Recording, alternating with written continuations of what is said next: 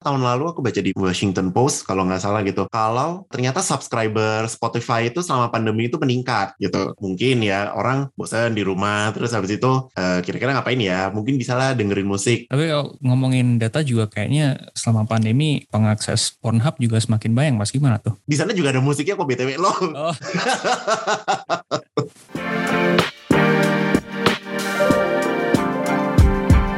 Hai sahabat TCID, kalian sedang mendengarkan podcast Suara Akademia, ngobrol seru isu terkini bareng akademisi.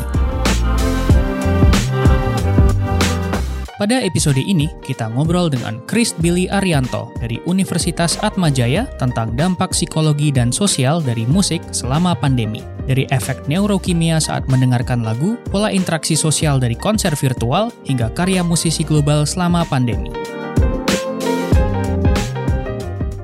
Halo, selamat sore teman-teman pendengar Suara Akademia atau selamat pagi, selamat siang di mana pun kalian berada ya. Kembali lagi di Suara Akademia. Di episode ini akan dipandu oleh saya Lutfi, editor Youth and Education di TCID untuk membahas topik yang uh, cukup asik nih hari ini. Beberapa episode lalu kan kita banyak membahas yang rada berat gitu ya, uh, strategi closed gitu, terus uh, pasar kerja, status ekonomi dari Bank Dunia dan lain-lain kayak gitu. Nah, kita mau coba yang sedikit lebih lebih slow, lebih ngepop gitu. Kita akan bahas tentang uh, music selama pandemi ya. Bersama kita hari ini uh, hadir seorang peneliti dan akademisi yang bidangnya adalah music psychology ya, salah satu expertise-nya beliau. Uh, saya ingin kenalin, uh, halo Mas Christ Billy Arianto. Did I pronounce that right, Mas? Mas ya, benar kok. Ya? ya, Chris Billy Arianto biasanya. Oke. Okay. Manggilnya. Mas Billy, oke. Okay. Mas Billy yep. ini adalah uh, dosen di Atmajaya, tapi sekarang lagi doctoral studies di iya, Uh, Sheffield, Inggris. Benar ya Mas ya? Iya betul, di University of Sheffield. Oke, okay. Mas, uh, saya mau tanya nih, apa kalau music psychology itu uh, berarti menelitinya kayak gimana sih ya? Yang yang dibahas, yang diteliti itu kayak kayak gimana sih? Nah, baiklah. Ini pertanyaan sejuta umat memang ya. musik psikologi itu, psikologi musik itu belajar apa sih? Ngapain sih gitu? Jadi pada dasarnya psikologi musik itu kita meneliti tentang bagaimana pengaruh musik terhadap uh, tingkah laku manusia gitu. Okay terhadap psikologi manusia ya gitu kan. Ada yang dari cara berpikirnya misalnya atau emosinya tingkah lakunya. Nah itu yang dicari tahu gitu. Nah topik yang ini mas uh, kemarin uh, bagi teman-teman yang belum familiar mas Billy ini juga kemarin nulis artikel di uh, TCID yang uh, judulnya adalah bagaimana penelitian itu menunjukkan musik berdampak uh, baik bagi psikologi manusia uh, mm -hmm. selama pandemi gitu ya mas ya jadi kan iya betul betul nah, kita COVID-19 ini lockdown dan berbagai pembatasan sosial ini udah hampir uh, satu setengah tahun ya more or less ya dan masyarakat harus mengisolasi uh, diri dan kemudian hmm. WFA banyak WFA gitu dan ini banyak menimbulkan stres juga kan bagi banyak orang apa cabin fever kalau banyak orang bilangnya terkukung hmm. lama-lama gitu. Nah terus dalam artikel Mas saya baca itu uh, salah satu cara ampuh meredakan stres misalnya di selama pandemi itu misalnya melalui music gitu kan you uh, tell us a, a bit more about this, Mas? Hmm, Oke, okay, baiklah. Jadi kalau di artikel tersebut sebenarnya pada dasarnya aku tuh kayak merangkum ya gitu dari penelitian-penelitian mengenai musik selama pandemi ini. Jadi research is really fast ya gitu. Uh, selama satu setengah tahun pandemi ini banyak sekali peneliti yang udah mulai cari tahu musik itu tuh apa ya kontribusinya musik itu selama pandemi ini gitu. Dan akhirnya ditemukan, oh uh, ada salah satu penelitian di Australia kalau ternyata mendengarkan musik itu tuh bisa membantu untuk mengurangi stres gitu. Ada juga yang mungkin kalau misalnya tahun lalu kan kita lihat kayak di Italia yang uh, ketika pandemi itu orang-orang nyanyi di balkon gitu. Nah itu sebenarnya oh, iya, iya. Uh, kenapa ya kok orang-orang mereka bermusik gitu. Akhirnya bermusik bersama-sama lewat balkon masing-masing kan gitu. Nah itu kira-kira ada dampaknya nggak ya dengan kita bermain musik itu? Nah akhirnya diketahui bahwa itu adalah salah satu istilahnya kalau di psikologi itu coping stress gitu ya. Caranya untuk mengatasi stres, uh, coping coping mechanism gitu. Oke, okay. ketika misalnya Mas menuliskan artikel ini atau misalnya di riset yang sekarang meneliti uh, musik dan psikologi atau mungkin mm -hmm. ketika membaca riset-riset yang tadi banyak itu, emang mm -hmm. Mas dan misalnya banyak peneliti ini juga melihatkah ada kayak selama mm -hmm. COVID ini ada misalnya tren kayak orang itu semakin banyak mengkonsumsi atau eksplor lebih banyak musik karena stres gitu gitu dan mencari outlet Mhm. terus banyak mengeksplor gitu apakah melihat tren kayak gitu Oke, kalau tahun lalu aku baca di Washington Post kalau nggak salah gitu, kalau ternyata subscriber Spotify itu selama pandemi itu meningkat gitu. Jadi semakin Spotify banyak bayar ya Iya, Spotify yang berbayar itu semakin meningkat. Jadi artinya kan mungkin ya orang bosan di rumah terus habis itu eh, kira-kira ngapain ya? Mungkin bisalah dengerin musik. Terus Spotify itu sebenarnya kan ada salah satu fiturnya ya yang membuat kita tuh bisa tahu nih, eh, bukan bisa tahu apa namanya, bisa mengeksplorasi playlist-playlistnya gitu. Jadi kayak recommended recommended musiknya. Jadi kita bisa mulai lebih banyak mengeksplorasi gitu. Dan sebenarnya dengan adanya TikTok gitu ya gitu dan sekarang di Indonesia kan Instagram Story sudah bisa masukin musik juga. Jadi sebenarnya itu semakin banyak outlet untuk kita tuh mendengarkan musik, untuk kita menggunakan musik untuk mengekspres- mengekspresikan diri kita sendiri gitu. Jadi ya menurutku semakin banyak juga ya gitu orang yang menggunakan musik dalam kehidupannya sehari-hari jadinya. tapi kalau ngomongin data juga kayaknya selama pandemi pengakses Pornhub juga semakin banyak mas gimana tuh Oh, hmm, eh, anyway, di sana juga ada musiknya kok btw lo, Oh. kok tahu? anyway eh, supaya Hmm. tetap PG-13 ya ini Oh, iya, baik.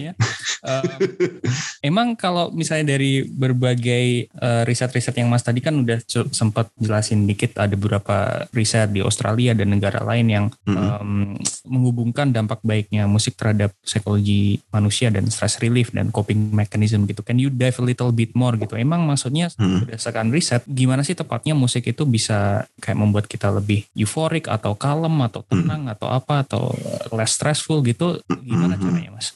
Oke, kalau kita ngomongin tentang mekanismenya ya gitu, so, sebenarnya ada satu penelitian yang menjelaskan secara biologis gitu ya gitu. Jadi ada sal- salah satu peneliti dari Kanada itu eh, meneliti namanya neurochemistry of music. Jadi sebenarnya apa yang terjadi pada tubuh kita sih ketika kita mendengarkan musik? Itu aku agak lupa deh mendengarkan musik doang atau kalau main musik juga gitu. Nah, sejauh pengetahuanku ya dari baca artikel tersebut, jadi musik itu tuh bisa meningkatkan hormon yang namanya dopamin gitu. Hmm. Dopamin itu adalah hormon yang bertanggung jawab untuk reward system kita. Jadi ketika kita mendengarkan musik, kelompok sama apa Hmm? serotonin dan lain-lain gitu. ya ha-ha, jadi itu kan ada di dalamnya kan ada dopamin, serotonin, norepinefrin gitu-gitu yang dia itu bertanggung jawab untuk kayak bahasanya tuh apa ya kebahagiaan kita gitu. Nah ditemukan memang bahwa mendengarkan musik itu khususnya musik yang kita suka ya gitu, musik yang uh, memang kita udah biasanya sih uh, istilahnya familiar music gitu, musik yang emang kita senang gitu, itu dia bisa meningkatkan dopamin karena kan kita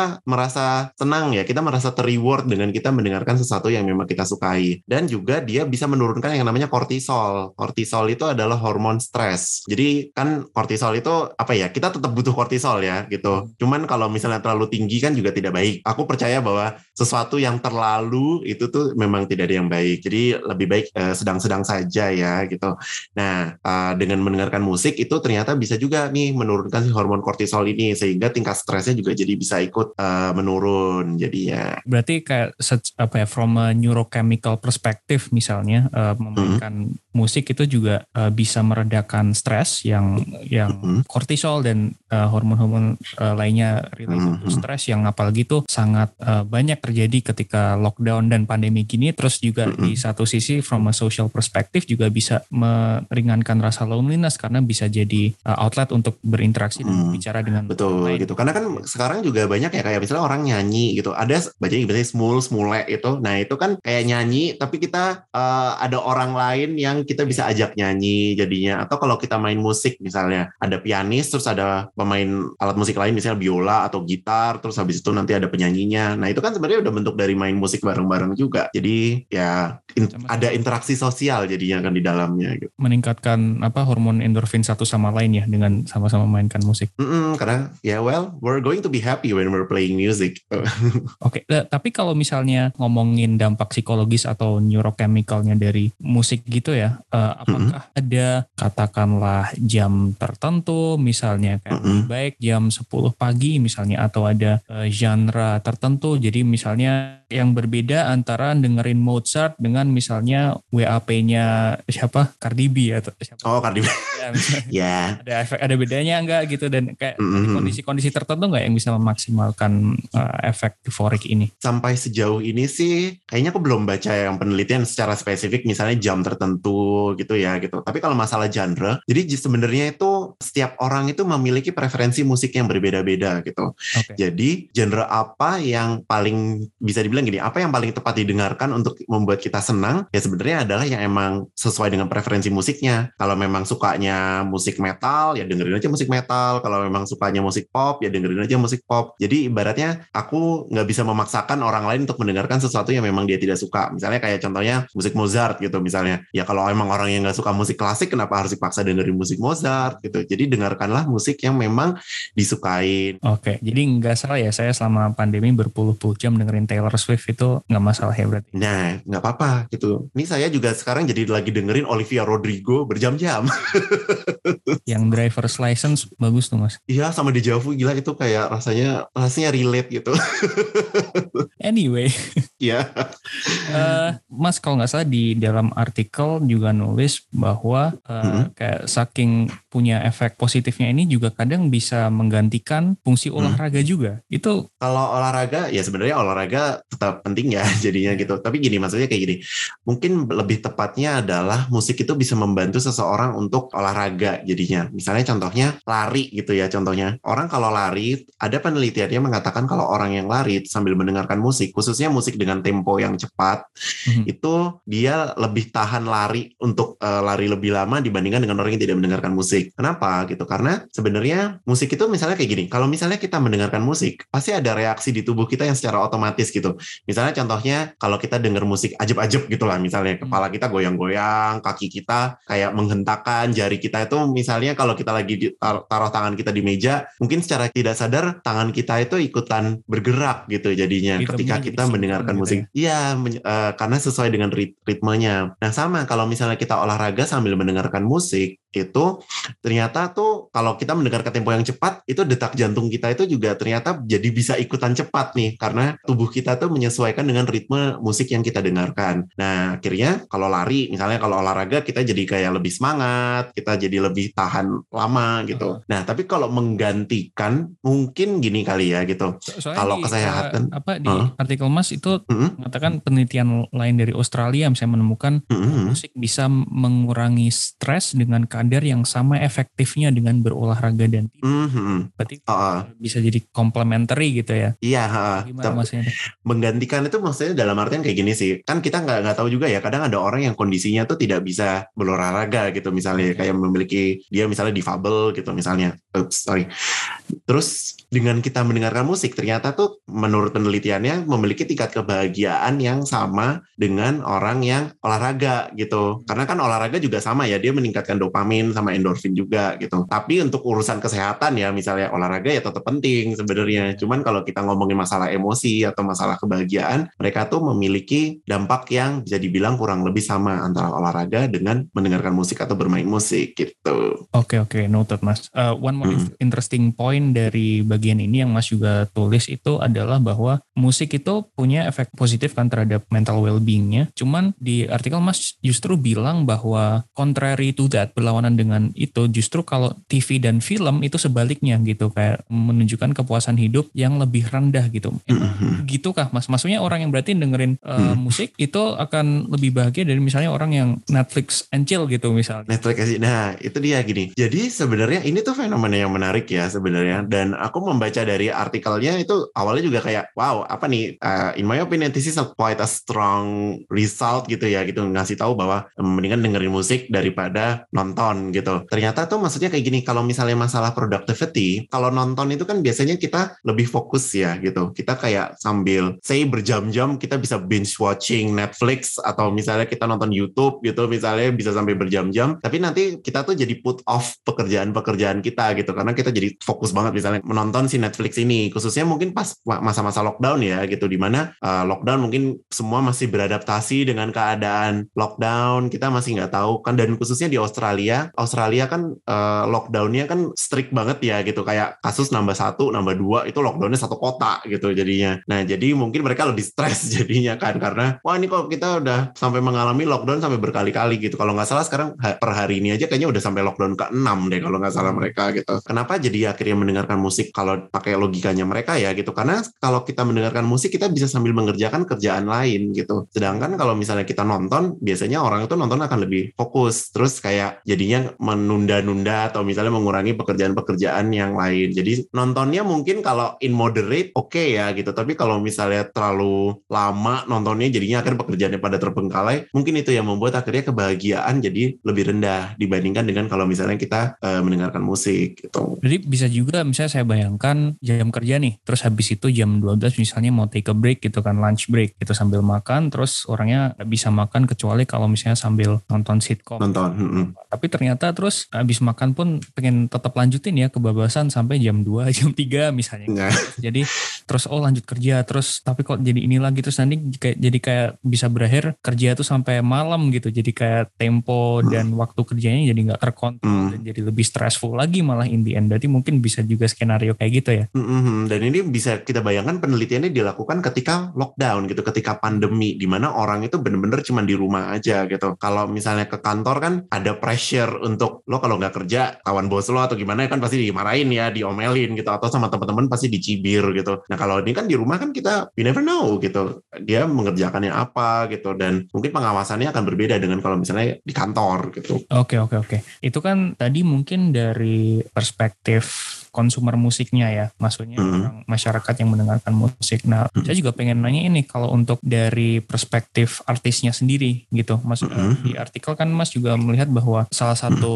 hmm. tren atau pola pergeseran yang terlihat hmm. adalah memainkan musik uh, live music itu bergeser salah satunya menjadi konser virtual misalnya. Virtual. Hmm. Nah, psychologically speaking nih Mas, apakah ada misalnya juga perbedaan cara experiencing the music dari segi artis maupun pendengar sebenarnya mm kalau kayak gini dan dampak psikologisnya atau dampak experience-nya tuh jadi berubah atau mm dari sudut pandang Mas gimana berarti? Mungkin aku fokusnya ke konsumennya gitu, ke orang yang mendengarkan atau yang menonton si virtual concert ini gitu. Karena kalau dari penelitian dari musisinya itu belum banyak dieksplorasi nih malahan sebenarnya dari sisi si musisinya gitu, tapi lebih banyak ke pendengar musiknya. Nah, kalau misalnya dari pendengar musiknya itu konser virtual itu tuh memberikan pengalaman yang berbeda dengan live concert gitu. Bayangkan kayak kalau live konser biasanya kita di sebelah kanan kiri kita tuh ada orang. Terus kalau misalnya konser yang outdoor gitu ada yang lompat-lompat lah sambil nyanyi bareng gitu-gitu. Sedangkan sekarang yang kita lakukan adalah bernyanyi atau kita bersenandung dengan lagunya itu tapi dari rumah masing-masing gitu. Hmm. jadi itu pengalamannya memang jadi berbeda banget kan gitu. Terus cara interaksinya pun jadi berbeda. Kalau misalnya kita live konser mungkin kita bisa kayak ngeliatin orang-orang atau misalnya kita komentar sama teman kita langsung gitu. Kalau sekarang kita jadinya pakai chat biasanya kalau berdasarkan pengalamanku datang konser virtual gitu ya biasanya ada satu kolom chat yang di dalamnya itu kayak bisa komentar atau bahkan bisa ngomong langsung sama artisnya gitu. Atau kayak bisa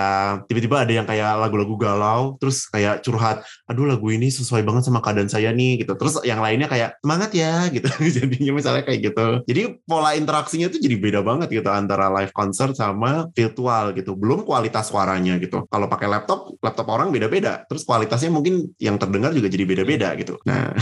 Kalau sejauh sejauh ini selama pandemi Mas Billy udah konser virtual siapa aja Mas? Oh, kalau konser virtual saya tuh sukanya musik klasik ya gitu. Jadi oh. biasanya saya dengerinnya itu kalau di Indonesia itu biasanya dari Aula Simfonia Jakarta itu mereka hmm. namanya Jakarta Simfonia Orkestra. Itu biasanya saya dengerin itu. Atau kalau dari luar negeri ini apa ya mungkin untungnya ya kalau mencari silver lining dari pandemi ini adalah jadi gampang untuk mendengarkan orkestra-orkestra yang ada di luar hmm. negeri jadinya. Kayak kapan lagi dengerin konser yang dilakukan oleh London Symphony orkestra secara gratis. nah itu tapi dinontonnya ya secara online jadi dari kamar gitu jadi sendiri ya maksudnya gitu. atau sama teman gitu. Tentunya sendirian ya kalau di kamar saya. Oh. Paling cuma ngajakin teman-teman kayak eh nonton nih terus habis itu komentar bikin grup terus habis itu di grupnya kita komentarin oh iya nih mainnya gini ya bagus ya lalala gitu-gitu. oh selama pandemi ini juga misalnya saya kemarin nonton konser virtualnya Noah misalnya gitu oh, ya iya. dari, hmm. YouTube kalau nggak salah. Nah itu pun juga pengalamannya juga rada beda gitu ya kayak vibesnya bukan bukan konser tapi lebih kayak streaming video YouTube gitu. Jadi kayak mm -hmm. beda banget gitu ya. Banget banget. Dan itu sebenarnya gini, kayaknya lagi jalan penelitiannya gitu. Waktu itu sempat datang ke konferensi yang memang dia penelitiannya tentang virtual concert gitu. Mm. Jadi ternyata beda pengalamannya antara yang asinkronus sama yang sinkronus gitu. Apa, Jadi kalau kalau asinkronus itu kayak gini. Jadi ada yang konser itu konsernya direkam, terus habis itu nanti dimainkan di satu jam tertentu gitu. Oh, Oke. Okay. Kalau yang sinkronus itu biasanya konsernya live, konsernya jadi pemain musiknya benar-benar main musik pada saat itu juga. Nah terus habis itu kita yang nonton juga itu sebenarnya kita benar-benar nonton konser yang live gitu. Konser live kan misalnya kita kayak komentar ih bagus ya gitu-gitu. Terus habis itu yang main musiknya itu baca komentarnya. Terus habis itu kayak wah kita dibilang bagus nih makasih ya gitu. Jadi bayangin kayak misalnya contohnya kayak orang yang konser pakai IG live gitu misalnya. Oke. Okay. Itu feelingnya akan beda dengan kalau misalnya streaming yang dilakukan di YouTube. Karena kalau di YouTube kan sebenarnya udah rekaman ya gitu. Jadi mungkin ya orangnya nggak bisa lihat langsung nih komentarnya apa atau gimana. Ya mungkin dia bisa bales chat yang ada di kolom chat gitu ya gitu. Tapi okay. pengalamannya akan berbeda. Gitu. Berarti kak, uh, what you're trying to say adalah kalau yang kayak model-model sinkronus gitu, maksudnya yang beneran hmm. live gitu ya, as in hmm, hmm, hmm. bukan on demand tapi beneran live, ya. itu pengalamannya buat consumer dan uh, artisnya akan lebih oke okay karena lebih ada ruang untuk interaksi secara langsung gitu kah berarti? Mm -mm, bisa dibilang kayak gitu dan mungkin kalau misalnya ada request-request lagu biasanya kan kalau konser ada oh, iya, iya. request gitu ya gitu. Kalau misalnya say yang live ya kita bisa langsung kayak memenuhi requestnya yeah. gitu. Dia minta encore gitu ya udah ya. bisa. Kalau on demand kan tidak bisa. Gitu. Okay. Tapi in general berarti karena ada pergeseran konser menjadi konser virtual ini, would you say misalnya as in general gitu ya, would you say hmm. pengalamannya audience itu hmm. secara psikologis atau benefit mental well-being dari nonton konser itu they're missing out gitu berarti selama ini nggak nggak sebaik dulu gitu berarti kan? Mungkin gini ya bisa dibilang iya sih ya gitu. Kalau tapi ini pendapat pribadi ya gitu. Kalau okay. misalnya dari penelitian sih penelitiannya sih mengatakan bahwa sebenarnya konser virtual itu tuh tetap bisa mengurangi rasa kesepian rasa terisolasi. Kembali lagi karena penelitian hmm. dilakukan selama pandemi gitu. Kenapa? Karena kita kan masih belum bisa melakukan konser secara live ya gitu. Dan paling aman memang adalah dengan konser virtual. Ketika konser virtual bisa bandingin ya iya jadinya kita masih agak susah nih gitu dan mungkin itu malah akan jadi pengalaman ke depannya gitu. Jadi maksudnya mungkin ya aku membayangkannya nanti pasca pandemi nanti akan ada penelitian yang membandingkan nih ada konser live. Nah sekarang habis itu coba kalau misalnya pengalamannya sama atau enggak nih ketika misalnya konser yang dilakukan secara virtual gitu dari jarak jauh lah mungkin ya gitu. Secara pengalamannya pasti ada pengalaman yang berbeda gitu. Tapi dampak psikologisnya itu sih yang masih harus dicari okay. tahu lagi gitu. Another thing about artists mas selama pandemi apakah misalnya nggak tahu ini kayak uh, pertanyaan dari kepala saya aja sih kalau selama lockdown selama pandemi itu mempengaruhi karakter musik yang dihasilkan artis nggak sih hmm. gitu kayak trennya jadi hmm. musiknya sekarang lebih apa gitu misalnya lebih banyak ngomongin loneliness atau lebih hmm. gloomy hmm. vibe-nya atau apa gitu nggak? Kalau menurutku tuh arahnya jadinya ke arah industri musik sih ya tuh biasa gitu karena gini hmm. musisi kan pasti ngikutin tren juga ya gitu. Okay. Kalau yang aku lihat mungkin kalau misalnya pernah baca juga tulisanku tahun lalu tahun lalu itu aku nulisin tentang bagaimana musik itu bisa uh, membantu untuk mencegah COVID-19 gitu. Oh iya, iya iya. Dan itu dari tulisan tersebut itu sebenarnya itu adalah respon dari musisi terhadap keadaan pandemi yang sedang terjadi. Jadi kayak musiknya itu tentang cuci tangan, tentang kita harus pakai masker gitu misalnya. Aku ingat, aduh di Indonesia tuh ada namanya ingat pesan ibu. Aku ingat banget ya, ingat pesan ibu cuci tanganmu gitu-gitu. Pokoknya siapa ya? Aku aku lupa artisnya. Tapi itu salah satu musisi Indonesia juga ada yang membuat musik tersebut gitu, lagu tersebut sebagai respon terhadap si pandemi ini. Nah, kalau misalnya apakah lebih gloomy atau enggak, itu kayaknya tergantung dari artisnya ya gitu. Kalau misalnya artisnya, saya misalnya ke contohnya kayak siapa ya? Kayak Kunto Aji gitu misalnya. Dia hmm. kan memang terkenal membuat musik-musik yang kayak secara psikologis gitu bisa menenangkan atau apa. Kalau tiba-tiba dia membuat musik yang kayak jauh berbeda dengan yang biasanya dia buat, orang-orang kan mungkin akan kayak, ah ada apa nih? gitu loh. Jadinya kan kok tidak sesuai dengan yang biasanya dia buat gitu. Jadi I cannot say kalau misalnya orang jadi lebih gloomy gara-gara pandemi juga sih gitu. Oh oke okay, oke. Okay. tadi waktu bilang apa artis mulai ngeluarin lagu tentang cuci tangan terus kayak ada ya maksudnya kayak artis top yang kayak gitu saya Hah? Ed Sheeran ngeluarin lagu tentang cuci tangan yang mana gitu hmm ya sih kalau misalnya artis-artis yang kayak gitu mungkin ya kembali lagi ya saya sih membayangkan kayak mereka pasti punya ini ya image yang harus dibangun kan yeah, gitu. yeah, yeah. gitu. Jadi kayak misalnya misalnya kembali lagi misalnya Olivia Rodrigo gitu. Ini lagi yeah. suka banget sih saya sama Olivia Rodrigo. Dia bikin lagu itu kan kayak berdasarkan curahan hatinya gitu. Tapi kan sebenarnya apa yang dia curahkan itu kan bukan berarti dampak dari si pandemi ini gitu ya. Mungkin karena kisah cintanya dia yang dahulu kandas gitu misalnya yeah. gitu.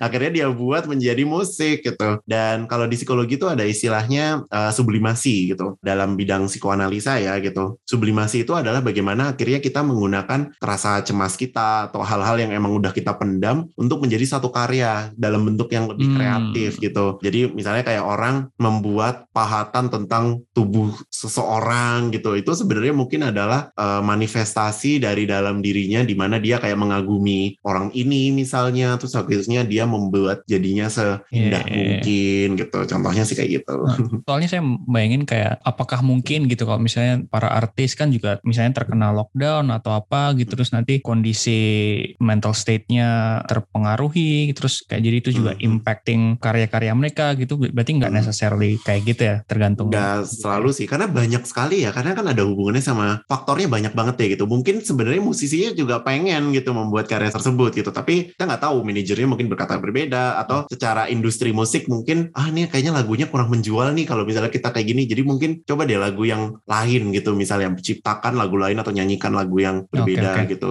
By the way dapat chat dari rekan editor saya yang tadi ingat pesan ibu tuh dari Padi mas oh Padi ya lupa saya tapi Hail tuh Padi membuat lagu itu oke okay. nah mas berkaitan juga dengan ini gitu ternyata pandemi ini juga ada beberapa artis yang justru kayak sama pandemi bukan produktivitasnya tuh nggak nggak jadi terhambat atau jadi lebih malas hmm. atau lebih lelah gitu lelah hmm. jiwa raga tapi justru ada yang super produktif kayak misalnya uh, Mbak hmm. Taylor Swift gitu kan yang selama oh, yeah. setahun kemarin ngeluarin uh, Folklore, hmm. Evermore sama apa uh, Recycle yang Fearless-nya gitu tiga album hmm. yang kemudian dalam in a span of less than one year memuncaki tangga nada nomor satu gitu. Ini apakah efek pandemi juga yang membuat Mbak Taylor Swift jadi kayak gini terkukung isolasi atau apa hmm. gitu? Kenapa menurut pandangan Mas Billy? Kembali lagi ya mungkin kalau menurutku kalau itu arahnya ke arah industri musik jadinya oh, gitu. gitu. Taylor, Taylor Swift itu sangat produktif sih memang ya I can say gitu. Maksudnya bahkan sebelum pandemi pun kita tahu gitu dia bikin karya-karya juga banyak banget gitu. Dan kalau Taylor kan apalagi terkenalnya karena pokoknya kalau dia putus dia punya album baru. Nah gitu. Jadi mungkin malah sebenarnya itu adalah respon terhadap hal tersebut gitu. Aku malah membayangkan kalau di Indonesia misalnya kayak contohnya siapa ya? Isyana Saraswati gitu. Hmm. kalau aku lihat kan Isyana juga dia selama pandemi ini tuh dia membuat karya dan menurutku tuh keren banget karena dia tuh gayanya jadi beda banget dengan lagu-lagunya yang sebelum-sebelumnya gitu. Kayak sebelumnya biasanya dia lagu-lagunya tuh yang ngepop banget lah gitu. Sekarang hmm. tuh jadinya sangat uh, menurutku sangat operatik, teatrikal gitu kayak yang di apa leksikon atau apa. Jadi kayak gayanya ngerok tapi ada orkestranya apa. Jadinya dia kayak mengubah image-nya dia yang dulu menjadi sesuatu yang baru gitu dan we don't know gitu apakah itu emang dampak dari pandemi sehingga dia mengubah image-nya atau emang dari awal sebenarnya dia emang udah rencana pengen membuat image seperti itu. Banyak sekali sih faktornya dan mungkin pandemi ini cuma kayak satu faktor kecil di dalamnya gitu. Atau faktor yang misalnya mengexacerbate apa yang udah mereka ada sebelumnya, terus oh ini hmm. Peluangnya, tapi nggak necessarily direct related gitu berarti ya? iya, ya. Uh, karena musik itu banyak sekali sih faktornya gitu. Kita nggak bisa cuman bilang dari sisi satu doang, tapi banyak kan kayak kepentingan-kepentingan dari konsumennya juga, dari say manajernya, atau misalnya dari orang yang memproduksi albumnya atau gimana gitu. Tapi ya sekali lagi sih saya saya tadi ngira kayak hmm. Eh, nggak hmm. uh, tahu ya karena misalnya pandemi terus isolated gitu, misalnya terus Taylor Swift Swiftnya hmm. jadi either luar biasa produktif atau misal menjadi punya mental state di mana dia jadi punya banyak ide gara-gara hmm. stres pandemi atau apa jadi hmm. nggak hmm. nggak mesti ya tapi yang yang jelas misalnya kalaupun dia atau artis lain memproduksi hmm. di pandemi gitu juga misalnya uh, hmm. ketika ngomongin folklore Evermore atau apa gitu di hmm. respon dari audiensnya juga cukup positif gitu maksudnya uh, hmm. banyak yang bilang it, it helps them get through stressful time selama pandemi, pandemi gitu, ya. gitu dan lain-lain hmm. juga gitu kan kan mungkin karena ini ya gitu kayak kita selama lockdown ini kita kayak mengekspek sesuatu sesuatu gitu kan. Kita mengekspek kalau akan ada perubahan atau ada sesuatu yang baru gitu. Hmm. Dan mengingat orang di rumah aja semuanya terus habis itu informasi kan sekarang juga lebih mudah ya gitu. Jadi informasi tentang album yang baru atau apa gitu itu jadinya kita aksesnya jadi lebih gampang gitu dan kalau misalnya ada sesuatu yang baru ya kenapa nggak dicoba gitu kan untuk membuat diri itu saya lebih tenang dan kembali lagi sih kalau misalnya kembali ke perbincangan kita di awal ternyata ini jadi bukti kan gitu bahwa ternyata musik itu emang benar bisa membantu seseorang untuk bisa melewati pandeminya dengan say mungkin mengurangi rasa isolated gitu atau membuat Hmm. dia jadi lebih happy jadinya itu sih dan kita nggak pernah tahu juga mungkin dari musik-musik baru tersebut atau memang sebenarnya semua jenis musik selama orang itu mendengarkan dan dia suka ya itu bisa membuat dia senang dan membuat dia lebih mampu menghadapi si pandemi ini jadinya Oke mas, eh, kita masuk ke segmen penghujung nih. Mungkin pertanyaan pertanyaan closing dari saya. Mungkin tadi kan udah menjelaskan banyak banget ya dari segi psikologi, neuroscience dari musiknya seperti apa. Nah, menurut Hmm. Mas Billy, ke depannya tuh misteri apa sih tentang eh, musik dan psikologi dan mental Hmm. well-being kita yang masih Hmm. belum terdiscover oleh peneliti dan kayak ruang-ruang penelitiannya dan hal-hal yang harus Hmm. kita